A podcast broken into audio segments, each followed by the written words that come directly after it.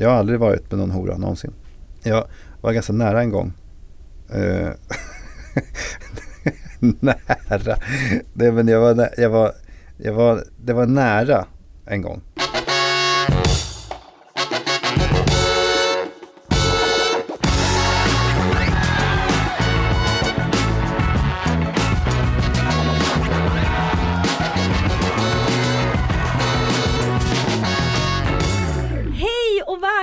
Tillbaka till podden Gott Folk.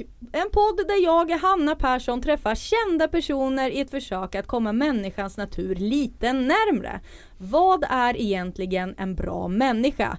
Ja, det frågar ju jag då mig själv varje dag, men i den här podden frågar jag mig, eller frågar jag det till våra kända gäster. Och den här första säsongen blev ju en jäkla hit. Ni var många som lyssnade. Ni får jättegärna betygsätta podden på iTunes om ni orkar. Ni behöver inte göra det om ni inte vill.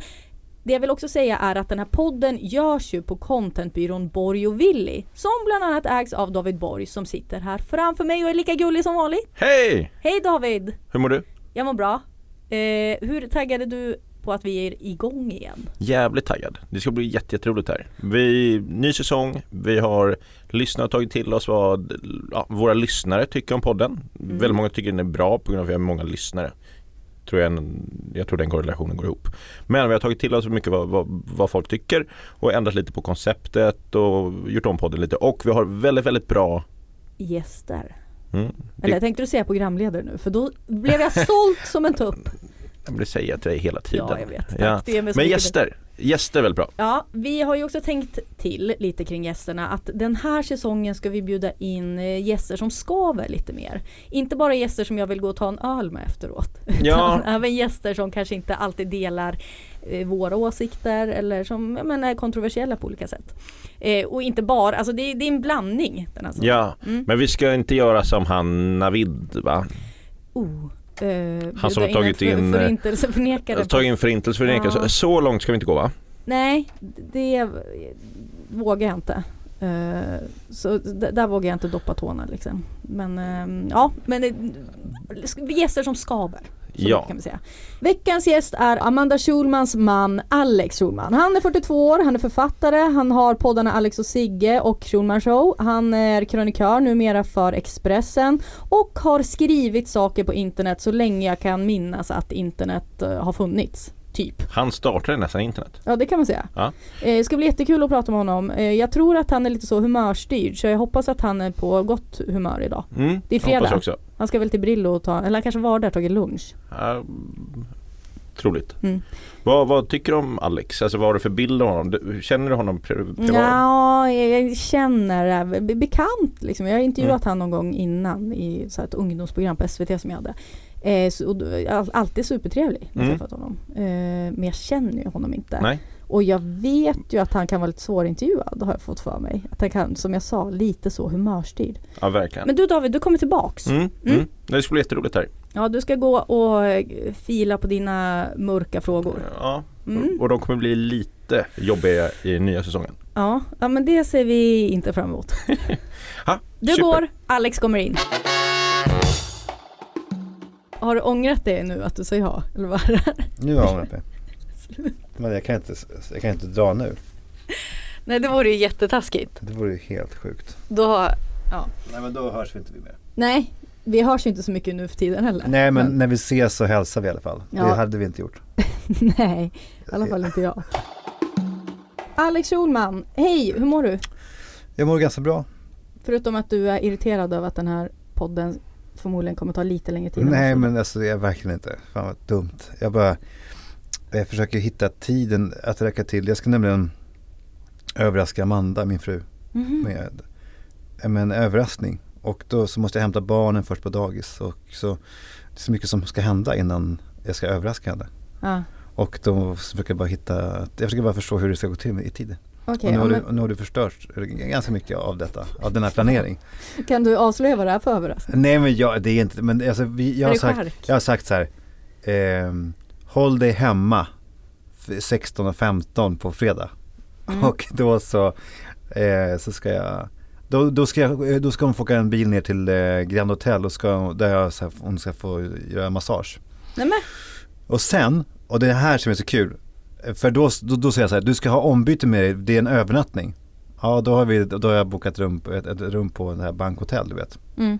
Men det hon inte, eller det, hon, hon vet ju ingenting. Men det som hon verkligen inte kommer veta, för då, för då vet hon ju, aha okej, det är en, vi ska bo på hotell, tänker hon ju då.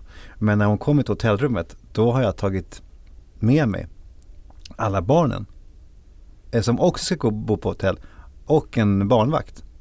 Så att vi, vi ska bo på hotellet där och mysa och sen ska jag och Amanda gå ut och äta middag.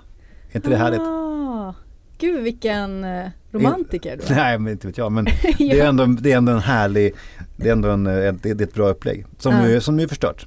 Ja, ja just det, fan. Tack vare dig.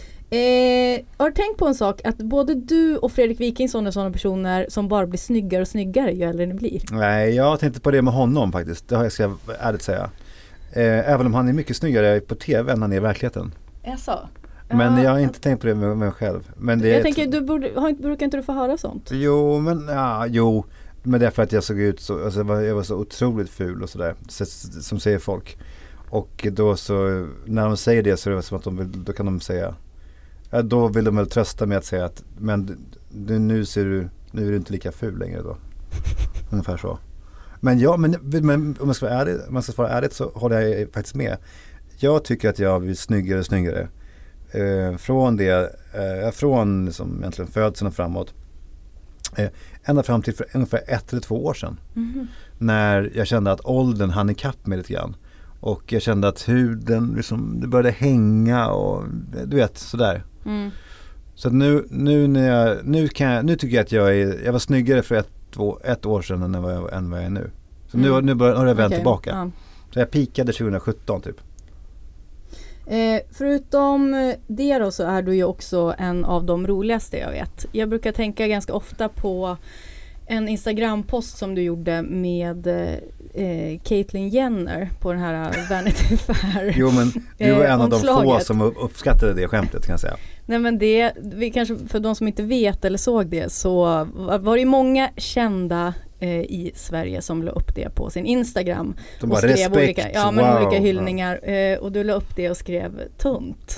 Och det, det har jag tänkt på men ganska ofta efter det och, och tänkt på att det var det roligaste jag har läst. Men jag såg bland annat Pernilla Wahlgren inte uppskattade det. Hon kommenterade väl. Nej hon blev galen och sa att du, det är du som är tönt och det, du är en liten människa och hur kan du? Hennes kamp, hennes kamp för att få vara sig själv är viktigare än du någonsin kommer förstå. Väx upp din lilla barnunge och sådär.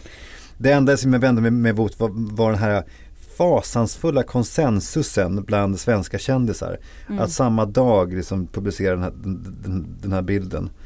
Och det var ju bara det som jag tyckte var, det var lite, lite spännande. Att, men jag vet inte, jag vet inte om jag vågar längre hålla på sådär. Jag minns när, jag minns när ehm, eh, alla knöt en blus för eh, Sara Danius. Mm.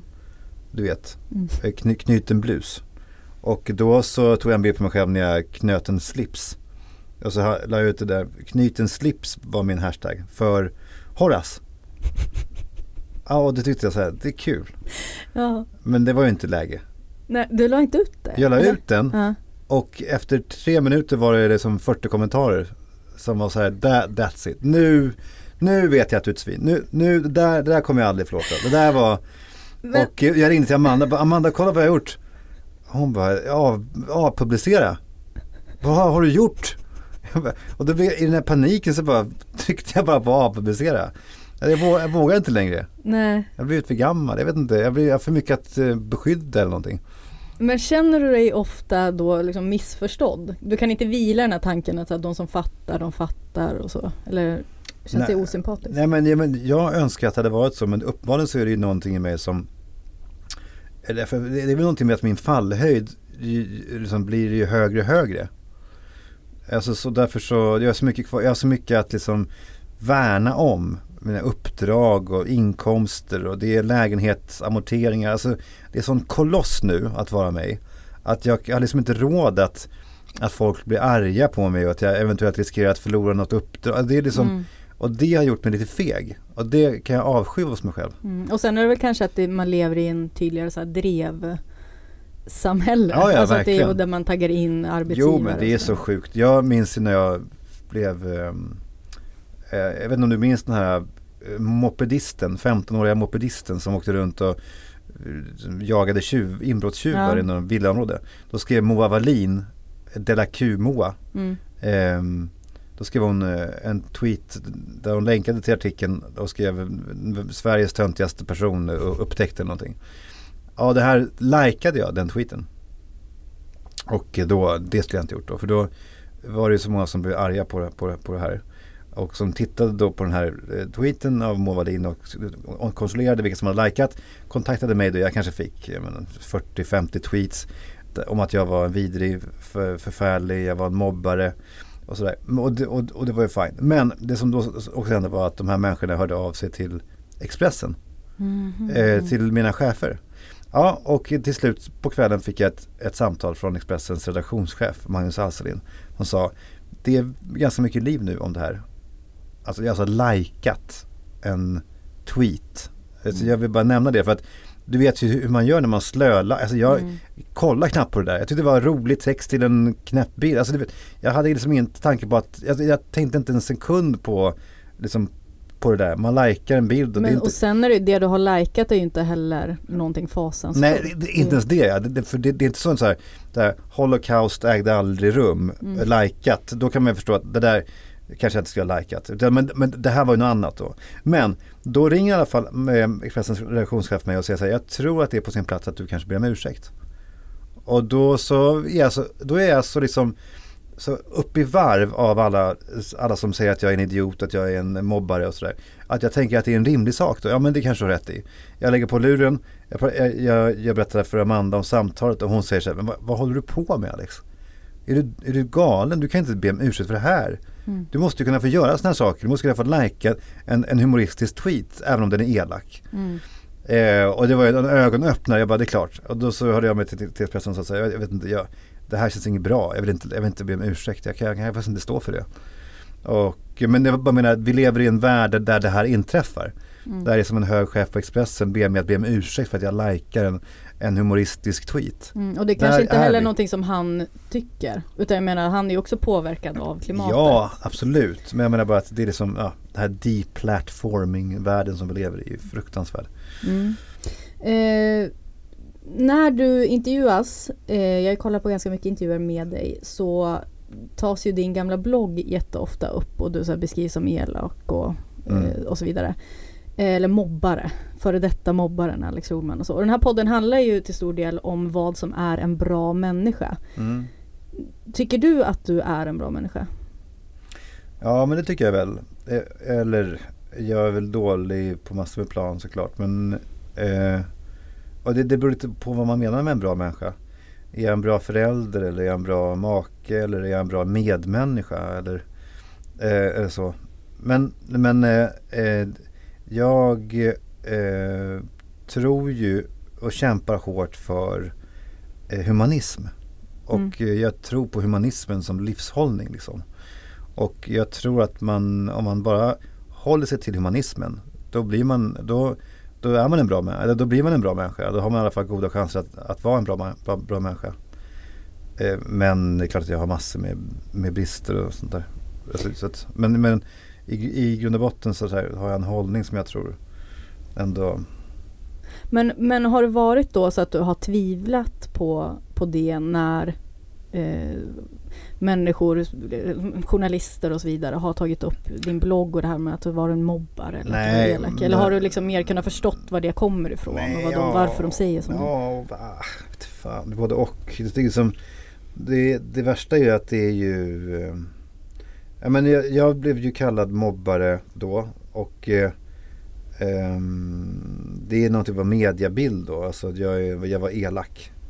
Och sen så, jag men, jag, jag, jag köper det inte och eh, om man läser min blogg idag så, så vilket ju väldigt få har gjort, då, då märker man att så himla elak var den inte. Mm. Den var ju konfrontativ men herregud, det var en blogg som, som var satt till jorden för att häckla kändissamtiden. Mm. Det var ju det, var ju det, och det, det måste ju man ju få göra utan att bli kallad mobbare. En mobbare för mig det är ju en, en alltså om man skulle ha en bl- blogg där man mobbar då, då skulle det vara att man liksom går på någon hjälplös person. Alltså man skriver eh, om en bartender eh, på Hotell Diplomat som eh, var ful och han heter Joakim Svensson.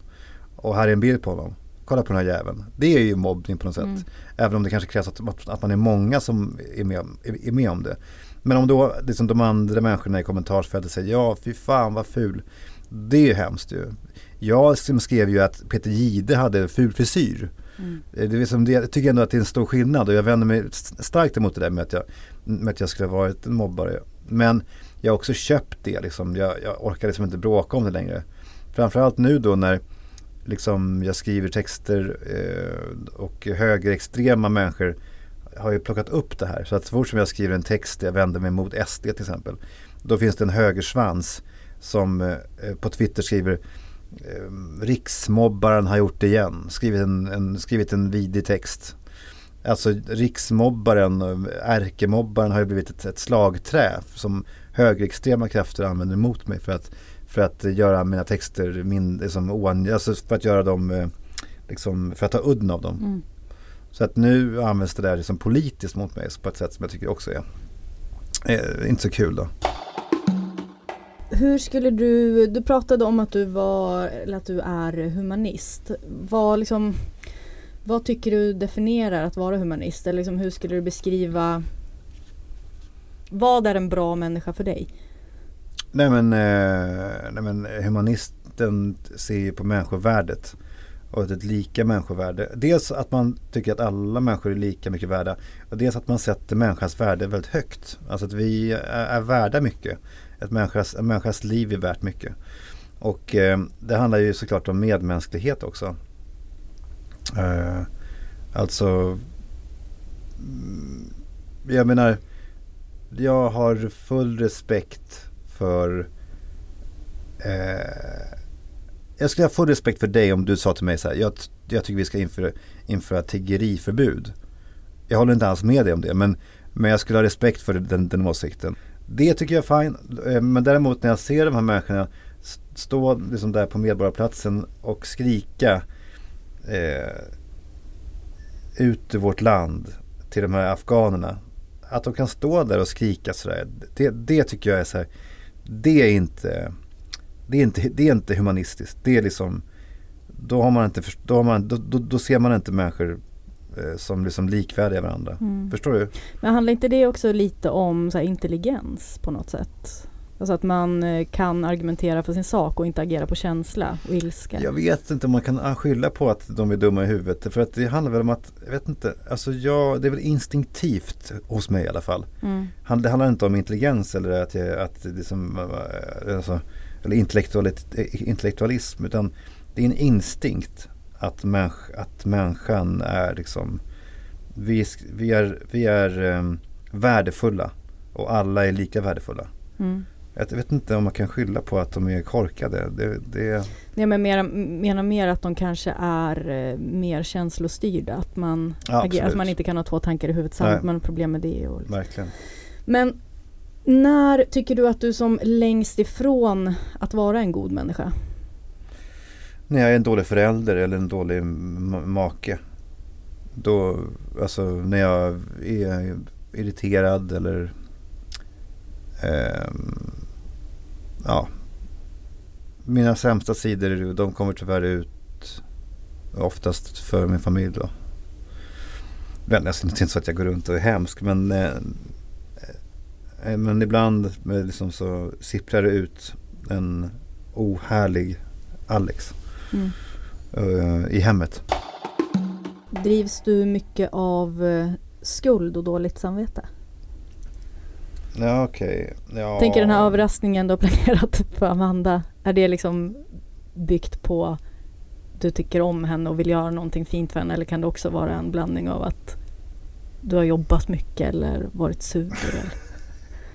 Nej men anledningen är, vilket är faktiskt helt sjukt när jag tänker efter. Men det för att man ska vara helt uppriktig, varför gör jag det här?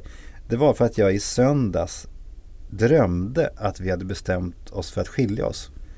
Alltså det är väldigt långt ifrån, vi är, det är liksom, vi är inte eller, liksom, på tröskeln till skilsmässa. Långt ifrån. Alltså jag uppfattar oss som väldigt lyckliga. Men jag, jag, det var en, en vriden mardröm. Och eh, eh, när jag vaknade då tänkte jag, ja det kanske händer om man inte tar hand om varandra.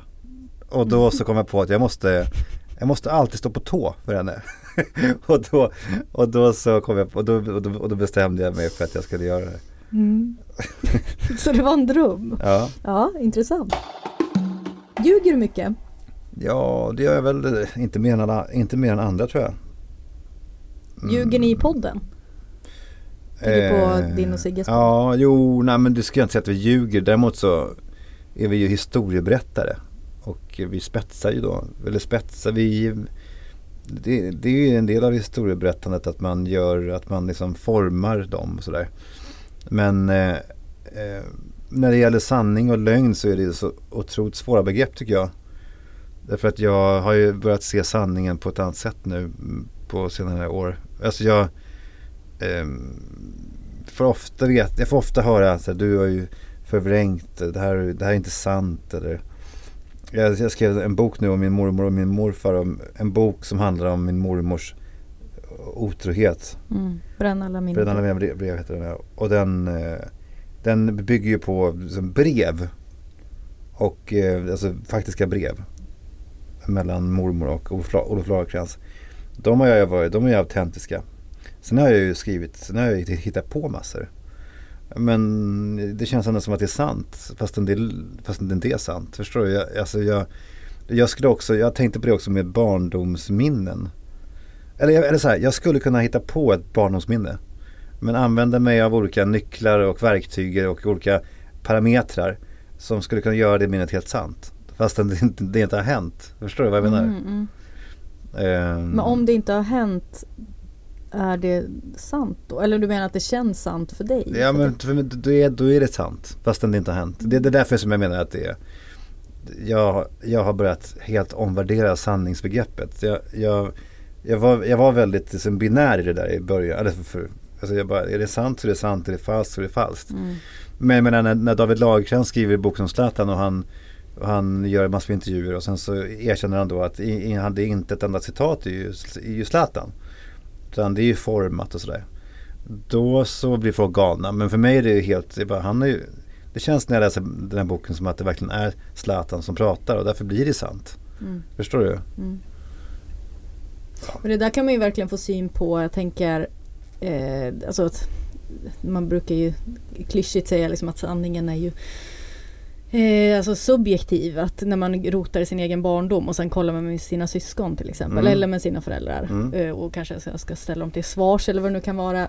Så eh, kan det ofta komma fram att man inte delar heller samma minnen eller liksom samma Verkligen. sanna bild. Och det är väl för att mycket görs väl om i huvudet på en. Och Så är det ju. Liksom, det är ju ens egen sanning på något sätt. Det värsta är ju också att det finns att, att sa- sanningen förändras för, för en själv också. Jag har barndomsminnen som förändras i mig om och om igen. Alltså, det finns ett barndomsminne som jag använder mig av. När jag gick i terapi så var det mitt liksom, urtrauma. Det är när jag är fyra eller fem år gammal. Och jag sitter i en bil och jag, vi bråkade bak och pappa blir arg. Han, han säger att han ska kasta ut oss ur bilen om vi fortsätter skrika. Och så gör vi det. Då nitar han, då tvärnitar han. Och sen så går han ut ur bilen och sen så tar han, tar han ett grepp om mig och så bär han ut mig på en åker. Och så kastar han ut mig på åkern. Ja, och så går han tillbaka och jag tänker, wow, oj jävlar, jag måste in i bilen igen för om han lämnar mig här då dör jag ju. Tänker jag då. Så jag springer tillbaka för mitt liv. Kommer in i bilen igen. Pappa går ut, går ut igen, tar tag i mig igen och så kastar han ut mig igen. Och eh, eh, så landar jag liksom fel. Eh, jag får ont i benet så jag kommer inte upp. Och pappa går in i bilen igen, smäller igen dörren och så åker han iväg. Och ibland i minnet så sitter mamma där fram också. Och ibland så sitter hon inte där fram. Och, och, och när hon sitter där fram då tänker jag varför säger inte hon till? Varför, varför säger hon inte åt pappa? Så där kan man inte göra mot en fyraåring. Eh, och när hon inte är där då lägger jag all skuld på pappa. Det är ändå avgörande för mig om mamma är där eller inte. Mm. Men jag kan inte säga vad som, jag kan inte säga nu längre. Jag vet inte vad som är sant eller inte. Nej. Ibland är hon där, ibland är hon inte där. Fram och tillbaka. Så att, det, att jag bara menar att minnena ändras hos, hos en själv liksom. Mm. Det är starka grejer. Du har ju pratat en del om att du eh, är en sorgsen person. Mhm. Jag tänker det här med som glädje för dina barn och så. Känner du ofta att du måste fejka glädje i ditt liv? Pappa är glad fast du kanske egentligen inte är det. Ja, det är klart. Alltså herregud. Det är ju Alltså jag har ju liksom såklart eh, jag, jag har ju det, det, alltså jag har ju till exempel ett, ett, ett läte som kommer från liksom botten av ett system som jag inte kan behärska som är något typ av ångest gurgel. Och det är ju, det kommer ju, att jag inte, det, kan, det kan ju komma när som helst och då kan jag inte bestämma, det bestämmer jag inte över. Men, ehm, men när det kommer då frågar jag då så här, vad, vad, vad är det? vad är det? Varför låter du sådär? Och då säger jag så här, nej ingenting, allting är bra. Och det, jag minns ju själv när jag, som skulle, jag stod i köket och skulle mecka pappas whisky. Han ville ha whisky med is och då höll jag på med det där. Så fastnade is, isbitarna på den här diskbänken. Så jag fick liksom slå på dem för att de skulle lossna. Samtidigt som jag hörde pappa från tv-rummet där han viskade för sig själv då. Satan, helvete, jävla skit, satan, gud. Och det blev om och om igen. Och jag, så någon gång så frågade jag så vad är det som du, vad är det du säger? Nej, det är ingenting, han vill inte prata om det. Men det var ju hans sätt att hantera dödsångesten. Mm. Så att han, så att det där är ju, det, det där, så att det är klart, det är klart att man, man måste ju, man, man kan inte gå runt och liksom visa sitt mörker för sina barn. Det tror jag inte, det, det vore ju inget bra tror jag. Nej. Men sen är det ju så att jag också är faktiskt gladaste versionen av mig är ju när jag, när jag är med mina barn. Vi är superstolta att samarbeta med Akademikernas a-kassa. Det är en helt partipolitisk obunden och icke vinstdrivande organisation. Och de är alltså med och sponsrar den här podden. Det är vi väldigt, väldigt glada över, David. Ja, om man blir medlem för endast 110 kronor i månaden. Exakt. För upplägget. Så det är billigt. Och, och, man kan ju också, ifall man har blivit medlem i akademikernas a-kassa, vilket jag tycker att alla ska bli, så får man gärna dra iväg något eh, typ av meddelande på sociala medier att, att eh, ni har gjort det. För då fortsätter ju de kanske samarbeta med den här podden och på så sätt kan vi också fortsätta ha podden. Mm. Mm. Det är fint. Ja, det är jättebra. Så ifall du blir medlem i Akademikernas a-kassa, ni kan gå in på hemsidan akademikernasakassa.se och bli det för 110 kronor i månaden. Då tycker jag att ni ska meddela oss. Dags för moralsnabbisen. Äter du kött? Mm, ja, allt mindre. Alltså, jag... jag Tänker du ju ansiktet utåt för skärkis? Mm, jag vet. Men, eh, nej men det är ju, eh, det är faktiskt sant, det är, det är faktiskt hemskt. Men jag, jag äter allt mindre eh, kött. Eh, men alltså, jag ska absolut inte säga att jag gör någonting för någon. Men annat än att när jag går på restaurang och äter lunch, vilket jag gör varje dag. Så då tänker jag att då, då är det enklare för mig att, eller enkelt, ett enkelt beslut att ta fisken istället för köttet. Och det har nog gjort att jag har minskat min köttkonsumtion med, jag menar säg 70 procent. Mm. Men jag, jag, älskar ju då skärkisarna. Då är jag ju, hem, det är jag ju i himmelriket ju. Med en whisky och en öl och, och, och lite korvar. Hur mycket skänker du till välgörenhet varje månad? Eh, nej men jag, jag, jag, vad ska man säga, vad ska man svara på en sån fråga? Gärna ärligt om du vill. Jo men jag bara menar oh. Eller försöker du hitta en summa nu som låter tillräcklig? Nej, vet nej, vet du? Nej, det jag, nej jag vet inte men jag, bara, jag kan gissa. Men jag bara menar, om man nu svarar det, inte det och, och, om den siffran är hög, är inte det skrytsamt då? Nej men jag frågar, jag är ju ohyfsad och frågar jo. så du får skylla på mig. Nej men jag kanske ger um, ett och fem kanske. Öppnar du breven du får från välgörenhetsorganisationer? Nej, aldrig. Tycker du att vi rika i västvärlden har ett ansvar att hjälpa människor i den fattigare delen av världen? Ja. Du tror på bistånd? Ja, det är klart jag gör. Mm. Men vem, vem gör inte det? Källsorterar du? Nej, det gör jag inte. Uh, uh, nej. Vinflaskor direkt i soporna eller? Ja, nej, så, nej. Det gör jag inte. Så, så illa är det inte. Men uh, nästan så illa. Är det okej okay att köpa sex? Eh,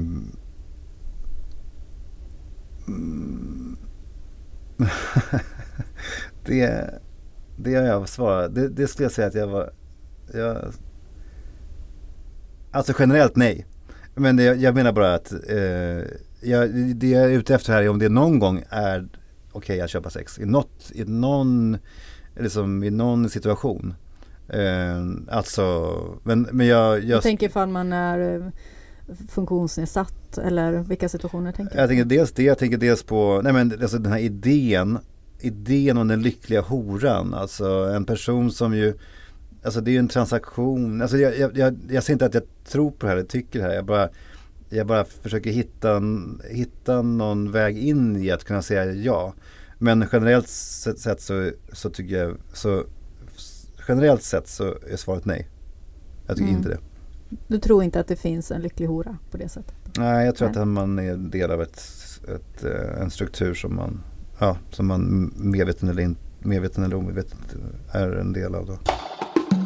Är du för abort? Mm, absolut. Är du för abort om eh, man upptäcker till exempel att fostret har eh, Downs syndrom? Man får ta bort det då? Jag menar så ser ju svenska Ja. abortlag ut idag. Ja, det är Men eh, det, det är klart att det är svårare. Men det, det handlar ju om... Um, ja, jag tycker det där är svårt, klurigt. Men, men jag tycker att den... Att, det, att, att eh, man ska få göra abort så. Um, det handlar också om... Alltså, det är en enorm påfrestning för en förälder att ha, vara förälder till en, ett barn med Downs eh, syndrom.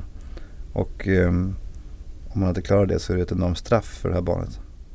Och om de då väljer att det här, att det här klarar, inte, klarar vi inte av. Mm. Då, så, ja, då, är det, då är det så. Mm. För jag det tänker det, kan, det ju, låter ju ganska kontroversiellt ändå. Alltså men jag tänker den här vurmen som finns för människor med Downs syndrom. Alltså att alla rä- rätten att vara olika, att alla människor ska få finnas och så vidare. Jag tänker bara att det lät så. Har vi inte en abortlagstiftning där man... eh, Jo, jo, ja. där man får, absolut. För att jag menar bara eh, att det är väl därför man gör de här, liksom, vet du det, BUP och PUP och Ja, TUP och NIP och... eh, vad fan heter det? Kubtestet heter Ja, just det. Mm. Och då, då kollar man efter sånt där.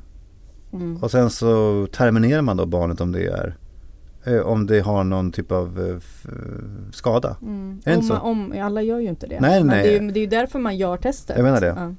Och det är ju sant. Men jag menar det finns ju någon slags ehm, Jag upplever bara att det kan finnas någon slags eh, hyckleri där. Men du är ju inte hycklande med det då. Alltså jag menar det kan ju finnas att man gör testet men att man, det är väldigt så kontroversiellt ändå att så här, men jag vill inte ha ett barn med Downs syndrom. Att säga det högt. Ja men ingen vill väl ha ett barn med Downs syndrom. Det menar, sen men så... vill. Nej menar, men det var ja. du som sa det. Mm. Men sen händer det och då, då, då så finns det ju hur många föräldrar som helst som älskar det här barnet som eh, alla andra barn och som kämpar för det och som viger sina liv åt det. Det är väldigt fint ju. Men alla är inte gjorda för, för alltså alla är inte skapta för den typen av föräldraskap. Och då, eh, och då finns den möjligheten. Jag tycker det är rimligt. Ska droger legaliseras? Det, det där tycker jag är för det- man, jag saknar lite som tiden när, när jag var, när man var ka- kategorisk. Jag är ju liberal, su- superliberal. Mm. Jag vill ju att man ska, jag vill ju kunna göra vad fan jag vill. Alltså jag blir tokig vid idén att jag inte får röka marijuana och, eller att jag skulle liksom bli, hamna i fängelse för det. Du är superliberal men samtidigt är du sosse. Ja men jag är socialliberal. Okej. Mm. Men samtidigt så uppskattar jag såklart att, att de, här, de här drogerna som, de ris- riskerar ju att eh, eh, förstöra människors liv. Och att det, behövs, att det kanske då behövs en lagstiftning mot det. Har du varit otrogen? Ja, eh, det har jag. Karin Stolpes gener. Eh, ja precis, det, men det, det går ju i släkten det här med otrohet.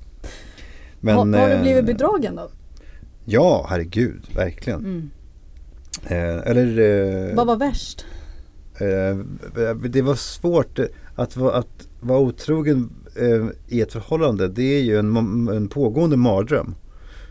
För att eh, man, jag känner ju hela tiden, eh, ska jag bli påkommen? Alltså ett sms som kommer och så ligger telefonen där på soffbordet och hon kanske ser och vem är det som skriver? Och man går ju runt in liksom på, på, på nålar på ett sätt som inte alls eh, Ja, det var det, det, det vill jag aldrig göra. Jag vill aldrig hamna där. Ja. Var det länge sedan? Ja, det var länge sedan. Men, eh, eh, men att bli bedragen det var ju en annan, det var ju en, liksom en mera fokuserad, alltså när, att bedra någon det är ju en utdragen tortyr. Um, men att bli bedragen och upptäcka det, det var ju en, en chock Mm. av liksom sorg och förtvivlan och vrede och allting. Och det var ju, så att jag, det är svårt att jämföra de två. Mm. De är båda vidriga. Håller du upp dörrar för människor med barnvagnar? Mm. Vad ska jag göra det? Va? Vem, gör, vem skulle svara nej på det? Nej det gör jag inte. Det tycker jag, nej det får de klara själva. Jävla dum fråga. Så hitta någon person som, som säger nej. Bara, äh. Jag tänker att man kanske stör sig på människor med barn om man själv inte har några. Vad vet jag? Har, har du kommit på den frågan? ja. Det är nog din, din sämsta insats. Du har ändå jobbat länge nu i media. Men det, men det, det här är din Jag hade, jag hade faktiskt en din- fråga förut som jag tog bort. Som var, ställer du, ställer du dig upp för gamla i bussen? Men den, eh, jag upptäckte att de där frågorna svarade folk bara ja på. Så det var Det här var din svagaste stund. Det här segmentet heter Vad sa du sa du? Mhm. Som handlar om att jag eh, läser upp ett litet citat eh, med lite följdfrågor. Mm. Alltså ett citat som du har sagt en gång i tiden. Eh, Ja. nej men det, här är, det här är nyligen. Det här är eh, 26 januari 2019. Det kan inte vara något fel. Så det här måste du stå för. Ja. Det här är alltså nu, nyligen, nu typ häromdagen. Ja. Ja. Om vi inte ändrar vårt beteende så kommer vi att förstöra klimatet för all framtid. Samtidigt tog jag flyget till Göteborg för ett par veckor sedan, orkade inte riskera ett försenat tåg. Och på sportlovet funde- funderar vi på att åka till Mallorca, hela familjen. Mm. Det här skrev du i Expressen då. Mm. Vad, jag tänker bara, det här är ju ganska vanligt. Jag tänker, jag kände, kände igen mig själv. Att man, Jaha, jag såg vad du skrev. Du försökte liksom före, före, förebygga aningslösa influencers attack på ja, dig. du såg det på eh, Instagram eller? Var det så det var? Mm. Nej men eh, alltså, ja, men, säg, vad, vad, är, vad, är, vad är din fråga? Det här min, är väl, min, ja. ja. men min fråga är eh, kanske först och främst, har du klimatångest? mm, det är klart. Men eh, alltså det är uppenbarligen inte så mycket äh, ångest så att jag på riktigt gör nå- någonting åt det. Ibland känns det som att, man bara, att någon skulle bara komma in och säga så här, så här blir det. Det är inga orimliga krav som ställs på människan. Men uppenbarligen så är de, är de för svåra för oss att, att, att liksom göra på egen hand. Så det, jag är ett bevis på det och eh, du också. Eh, vi antar att du också är medveten om det och att du känner en, en ångest. Och då känner jag bara att om inte vi kan göra det då måste det regleras. Alltså någon måste bestämma över våra huvuden. Eh, att, att så här måste det gå till. För att vi ska, för att vi ska få en hållbar, liksom, en hållbar miljö och leva hållbart. Så Sam- krävs det här och då, och, då, och då gör vi bara så. Men Punkt slut. samtidigt är det ju, jag tänker det här du, när du snackade om droger, att du Ja, är väldigt liberal och blir galen ifall någon ska bestämma ifall du får röka gräs eller inte. ja. Och det, jag menar man kan ju, gräs skadar ju också väldigt många människor. Ja men det skadar ju på individnivå. Mm. Och det här, alltså, det här skadar ju, det som vi nu gör, det, det håller på att utrota hela mänskligheten. Ja, det jag menar bara att det är en skillnad där på de här två sakerna. Mm. Men, ehm, men jag ser inte att det, är, att det är enkelt, det är klurigt. Ett annat citat, jag är rädd att du kommer bli arg på mig för att jag Mm. tar upp det här. Mm. Vad är det nu? Jag vågar inte läsa. Jag, kör nu, var inte rädd. Okej, förlåt. I tidningen Café fick du frågan Vad är det närmsta du har varit döden? Ja. Du svarar När jag låg med en glädjeflicka i Bangkok utan kondom. Ja men det här är, det här är ju, jag är glad att du tar upp det för det här är en sån här, om jag hade svarat så här, om jag, om jag hade svarat så på den frågan idag, jag hade väl inte haft ett jobb kvar, antar jag. Eller jag vet inte, det hade väl blivit ett nej. jävla liv helt enkelt. Handlar det om samhällsklimatet eller vart du är i din karriär? Nej, nej, nej, men det handlar om klimatet ju. Alltså den här typen av, så här kan man liksom inte skoja. Och, eh, för jag, jag, jag, jag skojar såklart, alltså jag uppfattar, jag, jag, jag, jag tror att man, eh, eller jag hoppas att man uppfattar att det, att det är ett skämt. Jag har aldrig varit med någon hora någonsin. Jag var ganska nära en gång. Poddtips från Podplay. I podden Något Kaiko garanterar östgötarna Brutti och jag, Davva, dig en stor dos skratt. Där följer jag pladask för köttätandet igen. Man är lite som en jävla vampyr. Man har fått lite blodsmak och då måste man ha mer. Udda spaningar, fängslande anekdoter och en och annan arg rant. Jag måste ha mitt kaffe på morgonen för annars är jag ingen trevlig människa. Då är du ingen trevlig människa, punkt. Något Kaiko, hör du på Podplay. Därför är gardinerna. Eh, nära. Det, men jag var, jag var, jag var, det var nära en gång. Att jag skulle ligga med en prostituerad. Det här har du pratat om i podden Ja. Mm. Det var otroligt. Men eh, det var ju när jag var typ 17 år. Jag var jag var väldigt glad att jag, att jag inte är nu en av dem. Men, eh, men eh, det där tyckte jag var, det där, det där tycker jag är en ro, ett roligt svar på något sätt. Man är en karaktär. Och, Men det är väldigt överraskande så, Ja, på frågan vad är det närmsta du har varit död? Det är ju, man, man blir förvånad. Ja, jag vet. Men Det är eh, sånt som man inte kan, kan, göra, kan göra längre. tycker du att det finns några fördelar med att man inte kan svara på det sättet? Nej, ja det är klart att, alltså, jag vet inte. Eh, Men eh, det, det finns, klart att det finns, det, det är mycket skit som inte kommer ut. Eh, Såklart. Alltså jag menar, nu blev Mr Cool tystad. Vi kan ta ett exempel som alla känner till. Mm. Och, eh, Knulla barn. Knulla barn ja. På ett sätt så är det väl bra att den låten inte finns längre. Kan man väl tycka. För det var ju inte så bra men ja, det var inte så, det var inte så kul, det var inte så bra. Så det, men, men samtidigt så är det så otroligt dystert att, att, att, eh, att han inte får, får skämta om vad som helst och sådär. Mm. Så att det, det tar ju över. Den sorgen över att vi lever i ett land där liksom några influencers kan bestämma vad, vad som ska, alltså vad man får skämta om. Det är för jävligt och det, så får det inte vara. Men om det är någonting som är bra med det så är det ju att, jag menar att, att, ehm, att ehm, den typen av liksom dåligt innehåll ändå upphör, alltså upphör att finnas till. Om du förstår, förstår vad jag menar. Mm. Å andra sidan kan man ju tycka att det ska, alltså även dålig humor är ju Nej men ja, absolut. Det är därför som jag tycker att det är för jävligt. Mm. Men, jag, men om, om du nu försöker, hit, försöker få mig att hitta någonting positivt med det. Så, Mm. så är det väl det. Moraliska dilemman. Jag kommer läsa upp olika fantasisituationer för dig som du befinner dig i. Mm. Du gör ett val. Din brorsa Kalle är anklagad för förskingring. Mm. Du vet att det här är ett äkta misstag men han kommer åka dit på tre års fängelse. Men du sitter på en magisk lösning i form av förfalskade dokument som gör han skuldfri. Du kommer inte åka in på det och inte din bror heller. Däremot så kommer en oskyldig revisor åka dit på sex månaders fängelse. Tar du fram dokumenten som räddar din bror. Och där, som då sätter dit den här revisorn. Jag ska säga att Kalle fick samma fråga om dig. Vad, vad, vad svarar han då? Ja, det kommer jag inte säga. Jag vet, jag vet vad han svarar. Ehm, men jag måste ju vara, alltså för att det menar ehm, Men det, är- det Man måste ju verkligen sätta, jag måste ju sätta mig in i det här Ja, som att det vore på på riktigt. Mm. Alltså för annars, för det är klart att jag kan skoja om det och säga att Kalle åker in så här, men, men, men, alltså det är klart att jag Får jag, och jag måste också veta vet, får, får revisorn veta att det är jag, Nej. att det, det, det, det, är som det, det är bara jag Mm. som lever med min skam Mm. så att säga. Och han är helt oskyldig. Ja. Han är, han är lite ful fisk. Nej, Nej. han är helt... Nej, han är en schysst Han är person men du känner han inte. Du liksom, Nej. Men han åker dit på sex månader, annars åker ju Kalle dit på tre år. Så det är Kalles fel men det är ett äkta misstag. Liksom. Det är inte så att han, han har varit lite slarvig, Kalle. Nej men jag hjälper väl Kalle då. Tror jag. Du sätter en revisor i. Ja men det är Han har svårt. barn och fru. Har han barn? Nyfödd. Nyfödd? Men han har ju en fru som säkert klarar sig. Eh, ja, Men du hjälper, jag- ja. Men det är Men- bra för Kalle skulle faktiskt ha hjälpt dig. Ja, men det visste jag att han skulle.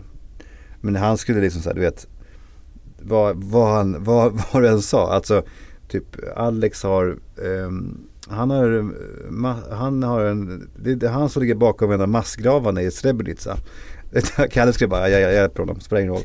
Alltså vad jag än gör för brott så skulle han liksom, skulle det är han, väldigt fint. ja det är fint verkligen. Det, är fint. Han skulle också hellre döda Filip Hammar än att döda Sandras hund. Det tyckte jag också var kul. det kan jag tycka är rimligt. Eh, du sitter på Brillo för en middag med Amanda. När du går på toaletten hittar du en tappad telefon på golvet. Du plockar upp den, tittar omkring efter ägaren men ingen är där. Då ser du till din förvåning att mobilen fortfarande är olåst. Bakgrundsbilden är en selfie på Marcus Birro iförd Romas lagtröja. Du bläddrar snabbt genom kontakter och inser att telefonen är Marcus Birros. Alla hans sms, mail, eventuella nakenbilder och hela hans liv finns där i. Vad gör du? Eh, jag, eh, jag, jag, jag, jag, jag, tittar inte, på- jag, jag, jag, rotar inte. Och det här är- beror inte på att jag är högt stående. Det beror på att jag inte längre galen i Marcus Byrå som jag en gång var. Mm. Jag var ju besatt av honom. Tyckte att det var spännande och, men jag var ju det när han var när han var eh, liksom, inflytelserik och när han hade sina plattformar och när han var en maktfaktor. Men ehm, eh, jag var också det när han var, när han sen hamnade på glid i tillvaron. När han blev radikaliserad och när han började flörta med eh, högerextrema krafter och sådär. Då tyckte jag också att det var otroligt spännande att se på. Men sen eh, ett par år tillbaka så jag har inte alls samma besatthet kvar. Jag, eh, jag känner ingenting för Max Biro. Alltså, om jag känner någonting så känner jag kärlek för honom. Eh, Så att jag, jag skulle nog ta, ta upp telefonen och så skulle jag nog hitta, vad hette han, hon den där SD-frun som hon, han har nu. Jag skulle Mm. hitta hennes nummer och ringa upp henne och säga jag har... eh, SD-frun, du syftar på att hon var gift med en sverigedemokrat innan Ja. Mm. Eh, och, då, och då skulle jag, så att jag skulle nog inte, jag skulle inte rota det minsta. Mm. Ädelt.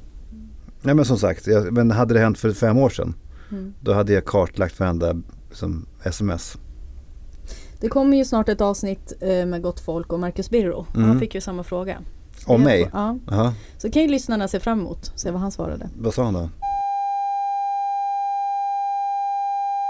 Han, är, han, han har ju ingen moral.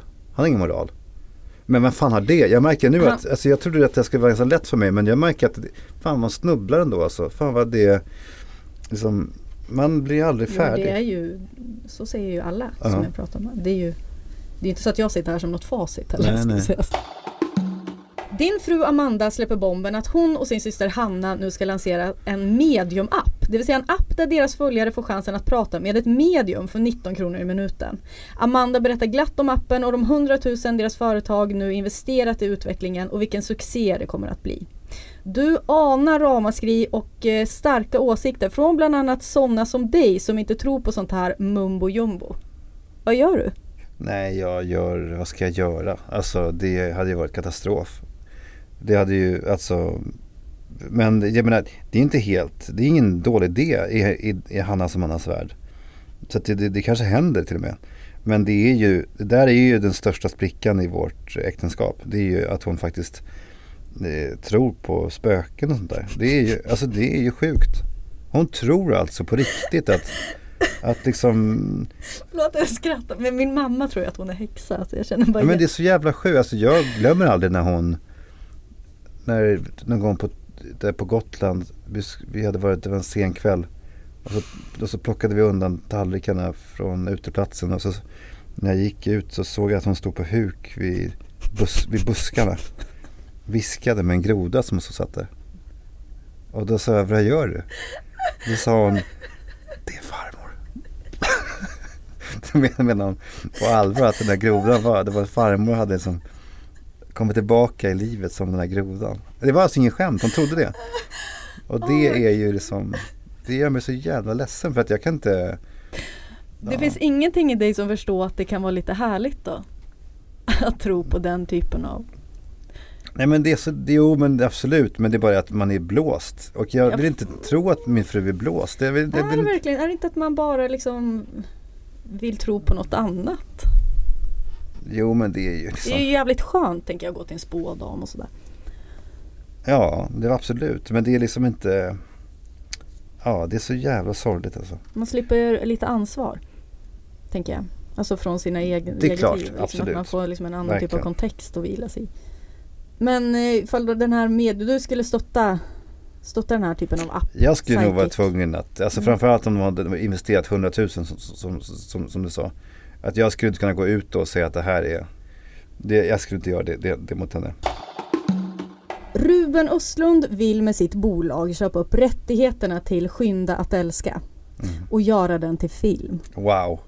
Dina två bröder, Niklas och Kalle, tycker att det här är att gå över gränsen och vill inte se sig själva gestaltade på film. De säger att vi kommer aldrig mer prata med dig om du gör det här.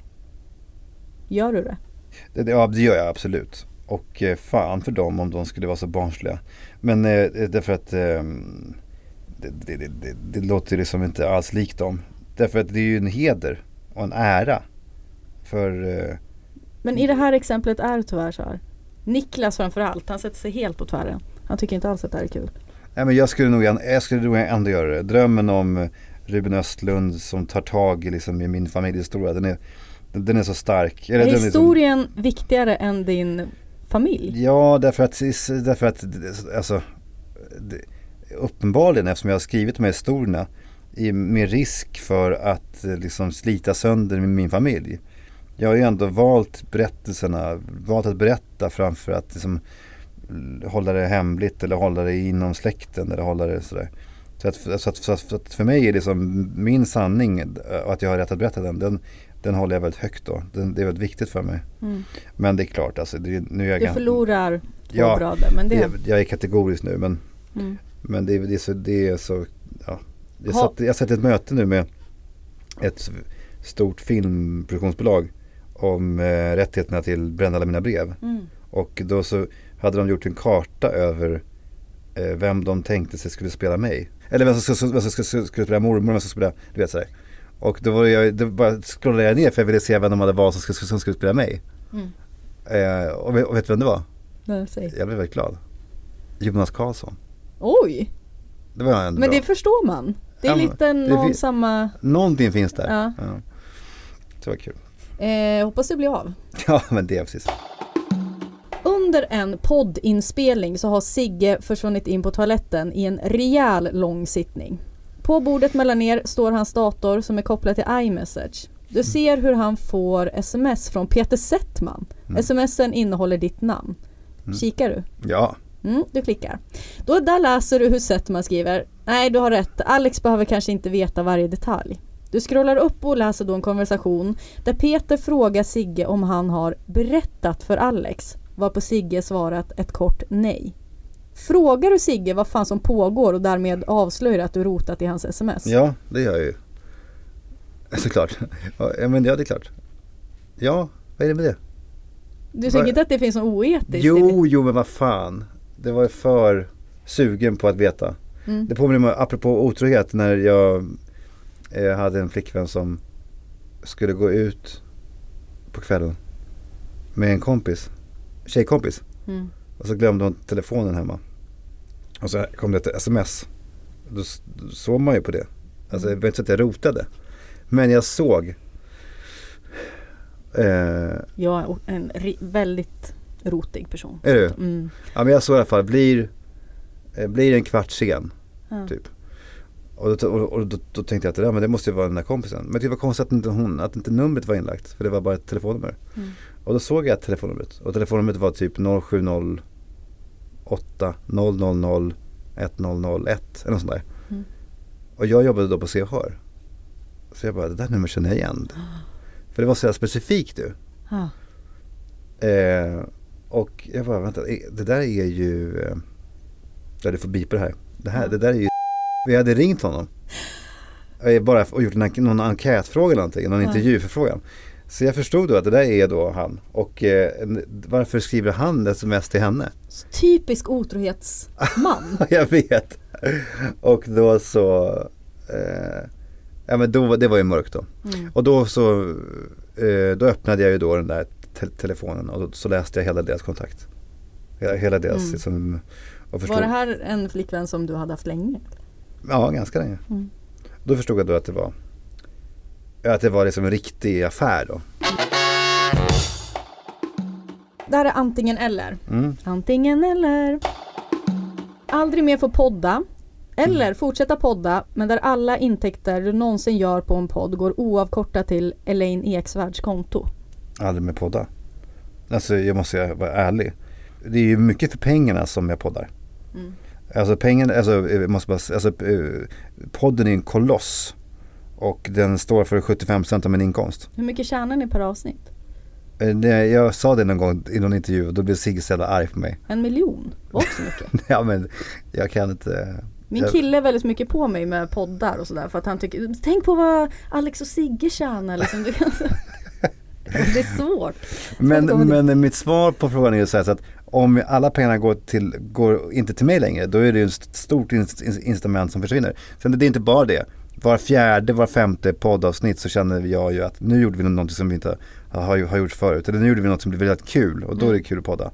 Men om jag får noll kronor för det och det är dessutom så att en sån- en sån, en sån person som Lena Eksvärd skulle tjäna pengar på det. Då skulle det inte vara något, det skulle inte vara svårt att ta ett sånt beslut. Mm. Jag poddar inte en sekund längre. Och för att förtydliga så har du svårt för henne för att hon är en av dem som du tycker eh, jag tänker utifrån det vi pratar om i Ja, det men det som jag säger, jag tycker, jag, jag tycker inte om hennes, hon är säkert en bra person, eller en fin person. Men jag tycker inte om hennes sätt att liksom, eh, välja ut vad som är liksom, bra och dåligt. Och det som är dåligt, det ska bort, det ska utrotas. Jag tycker inte om den, den liksom, den drev, eh, de drev som hon startar, som man uppmanar sina följare att göra. Där man ska, upp, man ska kontakta liksom Thomas Mattsson därför att en krönikör för fem år sedan sa någonting som eventuellt var ett, pe- ett pedofilt uttalande. Mm. Jag, jag, jag avskyr det liksom och det, därför så tycker jag, jag, jag tycker inte att jag tycker inte att det hon gör är bra. Låta mig spökskriva din nästa roman. Det vill säga alla tror att det är du som skrivit den men varenda ord är mitt. Jag får inte på, påverka en, en, en rad. Nej. Fucking nightmare. Eller du skriver klart din nästa roman som är en total succé. Men Fredrik Lindström sätts som författare och ingen kommer få veta att det är din bok. Han får all cred. Eller så är det jag som skriver din nästa roman. Jag kan det för lite. Alltså jag kan inte din, jag vet, jag har bara följt det på Insta med små korta texter. Jag vet inte alls hur du skriver. Har du gjort något? Men du Jag har bloggat skrivit, sedan jag var 16. ja men det, det har inte jag följt. Jo, någon gång i och för sig, men jag har inget minne av det, det är sant. Men jag, jag har aldrig varit, eh, har, har du liksom det i dig? Du får, det här är dina fördomar. Tror du att jag kan skriva? Men därför jag vet ju inte. Alltså det handlar inte om fördomar. Det finns ju liksom, antingen kan man skriva eller så kan man inte göra det. Det handlar inte om vad, vad Men man är. jag tycker man kan väl ändå lära, alltså jag tycker man kan ju ganska lätt ifall man är inne i någons Instagramflöde kan man ju se så här ah, ifall den har ett kreativt språk eller ifall den är tråkig. Nej men jag kan se att du är kreativ. Men jag vet inte om du har ett kreativt språk. Det måste man, det är farligt alltså. Ja men nu, nu står du här Fredrik Lindström Få din cred men boken är ju succé och du vet om att jävla vilken bok jag skrivit. Eller så riskerar du, du låter mig en, debutera under ditt namn. Men får jag aldrig mer skriva? Jo jo jo. Ja, det är Du bara vet- den här gången. Ja, det är en gång. Nej men då, då, då ger jag den till, till Lindström. Vet du varför? Därför att det enda jag har kvar är, är liksom böckerna och författarskapet. Alltså, Jag vill inte slarva bort det. nej men någon slarva bort, jag vill liksom äga, influencer-tjej. nej, nej men inte så, men utan, utan jag skriver böcker därför att, jag älskar det för att jag får äga varenda kommatecken. Och när jag får tillbaka boken från en, en redaktör då så blir jag tokig om de har gjort några ändringar. Även om det är bara fel, stavfel och så, så vill jag göra alla ändringarna. Så de får bara komma, komma med förslag. Och därför så är jag liksom besatt av det här att allting här är mitt. Och att du skulle då skriva en, bo, en bok, nej, det skulle vara för svårt. Även om den säkert blev, skulle bli bra. Det, det vet jag fan i och för sig. Mm. Kanske blir usel. Nej. Jag vet inte om du har det. Hur fan. Jag skojar. Nej jag tror faktiskt inte jag har det. Vi ska ta in David här bara. David! Mitt koncept är, jag ställer lite så här jobbiga, knepiga frågor som ska, ja, det ska bli lite jobbigt för dig. Ja. Förhoppningsvis. Men de har ju varit jobbiga och knepiga redan innan. Ja, nej, men det blir lite jobbigare. Alltså de ska vara lite obehagligare. Äta middag med Marcus Birro varje kväll eller så knyter du fast Leif Manströms kuk längs hans lår varje morgon. Eh, Jag förstår nej men du har inte hört podden då? Han har en jättedas tydligen. Jaha. Så han knyter fast den längs låret. Det sägs, Sigge påstår det, att för, eftersom det är många barn som tittar så skulle de bli för rädda för att se hans paket. Så att de bandage, bandagerar hans penis längs låret så att den inte ska synas när han ins- gör inspelningar på Mästerkocken. Enligt Sigge. Jag vet inte om det är sant. Nej. Men, eh, eh, men, men vad sa du? Att jag antingen ska äta middag med, hon- med Marcus Biro Varje kväll. varje kväll Ja, tills jag dör. ja tills du dör. Eller så, ditt nya jobb är att Bandagera. Mandershems Men hur ofta gör gör jag det? varje morgon. Innan, du, innan han går till jobbet. Ja men det är okej. Nej men jag måste ändå välja. Svårt för att jag bara tänker på det praktiska. Eller jag, jag tänker på vad är jobbigast. Det är klart att, att, att, att ge upp familjelivet för att varje kväll sitta med Marcus Biro och äta middag. Jag tror att det ska vara trevligt tio gånger. För att jag, tycker, jag tror verkligen det. Men jag tror att till slut skulle jag nog känna att jag dör långsamt av det. Då tror jag att jag bara, jag river av, jag, jag bara, nu gör jag den här skiten på morgonen. Jag, jag bandagerar det här. Andersrum lever inte så länge till. Nej, det är ju det. Så det är skönt. 10-15 år har han i sig. Fan vad vidrigt av dig. Föreslå något sånt. Din poddkollega Sigge Eklund, Mm. hans ena barn blir blind. Eh, och det är en väldigt dyr ögonoperation detta. Mm. Och när han sparar ihop pengarna till den här operationen så kommer du hem till honom och tar pengarna. Det är kontant av någon anledning. Mm. Och du super upp dem och kan sen inte betala tillbaka. Av någon anledning så har inte du heller några pengar. Mm. Det blir ingen operation, barnet förblir blint och ni har en ganska eh, ja, frostig relation. Mm. Eller din yngsta dotter, hon blir blind. Du sparar ihop pengarna, precis som Sigge. När du precis råd att betala här, för den här operationen så kommer Sigge hem till dig, tar pengarna och super upp dem. Det blir ingen operation. Din dotter förblir blind och ni har en frostig relation. Vilket av det skulle du välja? Men eh, alltså, re- re- res- resultatet är ju då att vi har en frostrelation. Nå, Vad, vad som än ett, händer. av, ett av barnen är ju blind. Nej, jag menar det. Ja. Så, så det, är, den, det är detsamma alltså, i båda utfallen. Alltså att vi, det är frostigt då mellan oss två. Enda skillnaden här är ju då att i ena fallet så är mitt barn blint och i andra är Sigges barn blint. Jag fattar inte. Ja, men en, en, av er gör, en av er gör en jävligt rövig grej. Ja okej, jag fattar. Ja. Men att leva, alltså så att det står emellan att leva med ångest eh, för att man har gjort en dum grej eh, eller att ha ett bli- blint barn. Ja. Och då, då, då väljer jag att leva med ångest lite grann. För det jag vill inte ge, jag vill inte att min, mina barn ska ha, Nej. gå runt med någon jävla, att vara blinda. Eh, Jag skiter lite i de här barnen också. Alltså de här Sigges. Vi, vi höjer insatsen De är här. så dysfunktionella ändå. Okej, ja. Ja. de är det. Ja. Vi höjer insatsen här. Du får en jäkligt knäpp idé en kväll och tycker det är väldigt, väldigt roligt. Du bestämmer dig för att dra ut till eh, Skogskyrkogården och gräva Hanna, upp. Hanna hur, hur mår du? Vad är, vad är, vad, här. Nej, men det, jag måste bara förklara vad som händer där för det är för någonting som lyssnar. nervös. Att Hanna håller på att gå sönder, viker sig dubbel och helt illröd. Jag vill att han ska bli arg över det här. Nej. Du, Ja förlåt, säg Edna, sorry. yes. Eh, du drar ut till kyrkogården. Du får en ja, du får en jäkligt knäpp idé helt enkelt. Mm. Du gräver upp dina föräldrar och installerar dem hemma hos din bror Kalle. Och sen när han kom hem från jobbet så säger du skämtsamt Mamma och pappa har kommit över på fika. Mm. Eller så gräver Kalle upp era föräldrar och installerar dem hemma hos dig och säger att de har kommit över på fika. Mm. Jag bara försöker förstå vad jag väljer mellan här. Alltså antingen så har jag blivit knäpp i huvudet eller så har Kalle blivit det. Eller vad, eller Ja, vad? det, ja, exakt. det är någon som utsätts för ett otroligt trauma också i detta. Kalle utsätts ju för ett otroligt... Ja, bo, båda utsätts ju för... Men eh, förlåt, för att är det jag som måste gräva upp mina föräldrars lik? Ja. Ja men för att det är ju, det är ju, det är ju otroligt eh, traumatiserande såklart. Det måste det ju vara. Ja. Och eh, jag menar, jag vet inte vad som är kvar av dem. Nej, vi leker med idén att de är ganska hela och rena. Ja, de är hela och rena. Ja men, de är ganska hela kroppar. Jag menar för Ja, att de, de, pappa de, är inte, dog de, är inte för, helt, de är inte helt förmultnade. det är ändå 15 år sedan. Så att han är Ja, men de är ändå, mumifierade då. Vi säger att de är mumifierade. men de är mum- mumifierade, då är det inte lika farligt.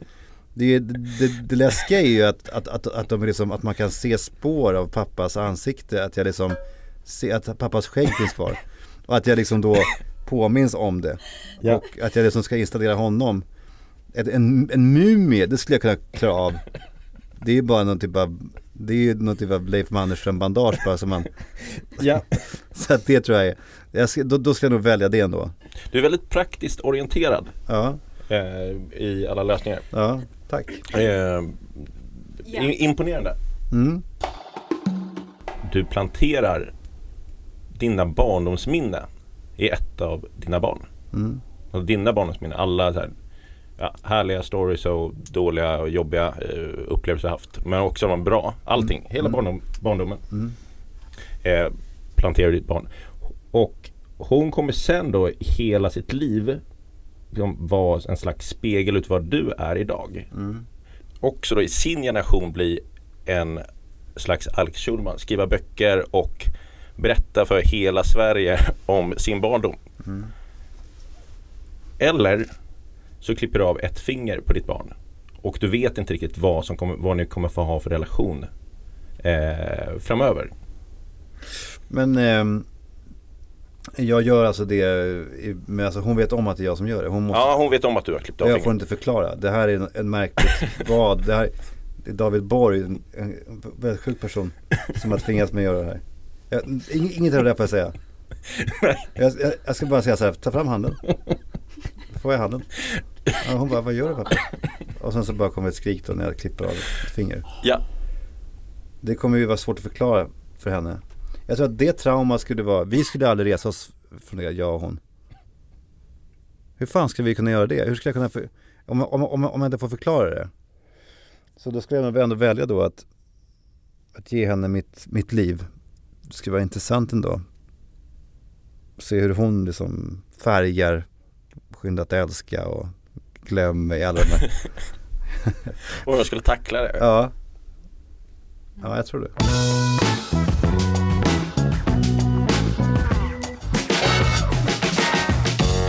Här podden så har vi ju ingen eh, som dömer gästerna utan det gör ju lyssnarna. Så alla ni som har lyssnat får ju som vanligt gärna slida in ett DM till mig. Mm. Och skriv gärna, tyckte ni att eh, Alex Schulmans eh, moral höll? Hur, vart pekade hans moraliska kompass? Var ska man slida in då? Hanna Pi heter jag på Instagram. Eller så kan ni skriva direkt till Alex. Just det. Jag heter Mm. Alex Schulman på Instagram. Mm. Eh, men har inte den här podden något Instagramkonto? Nej. Nej den har inte det. Nej. Den kanske borde ha det. Borde Vi har ha. inte kommit så långt. Mm. Eh, tack så jätte- jättemycket. Vad, vad kul det var att ha dig här. Men vad kul att jag får komma. Lycka till med överraskningen nu. Ja, du ska vi hem och fixa allting. Mm. Kul! Hej då! Hej då!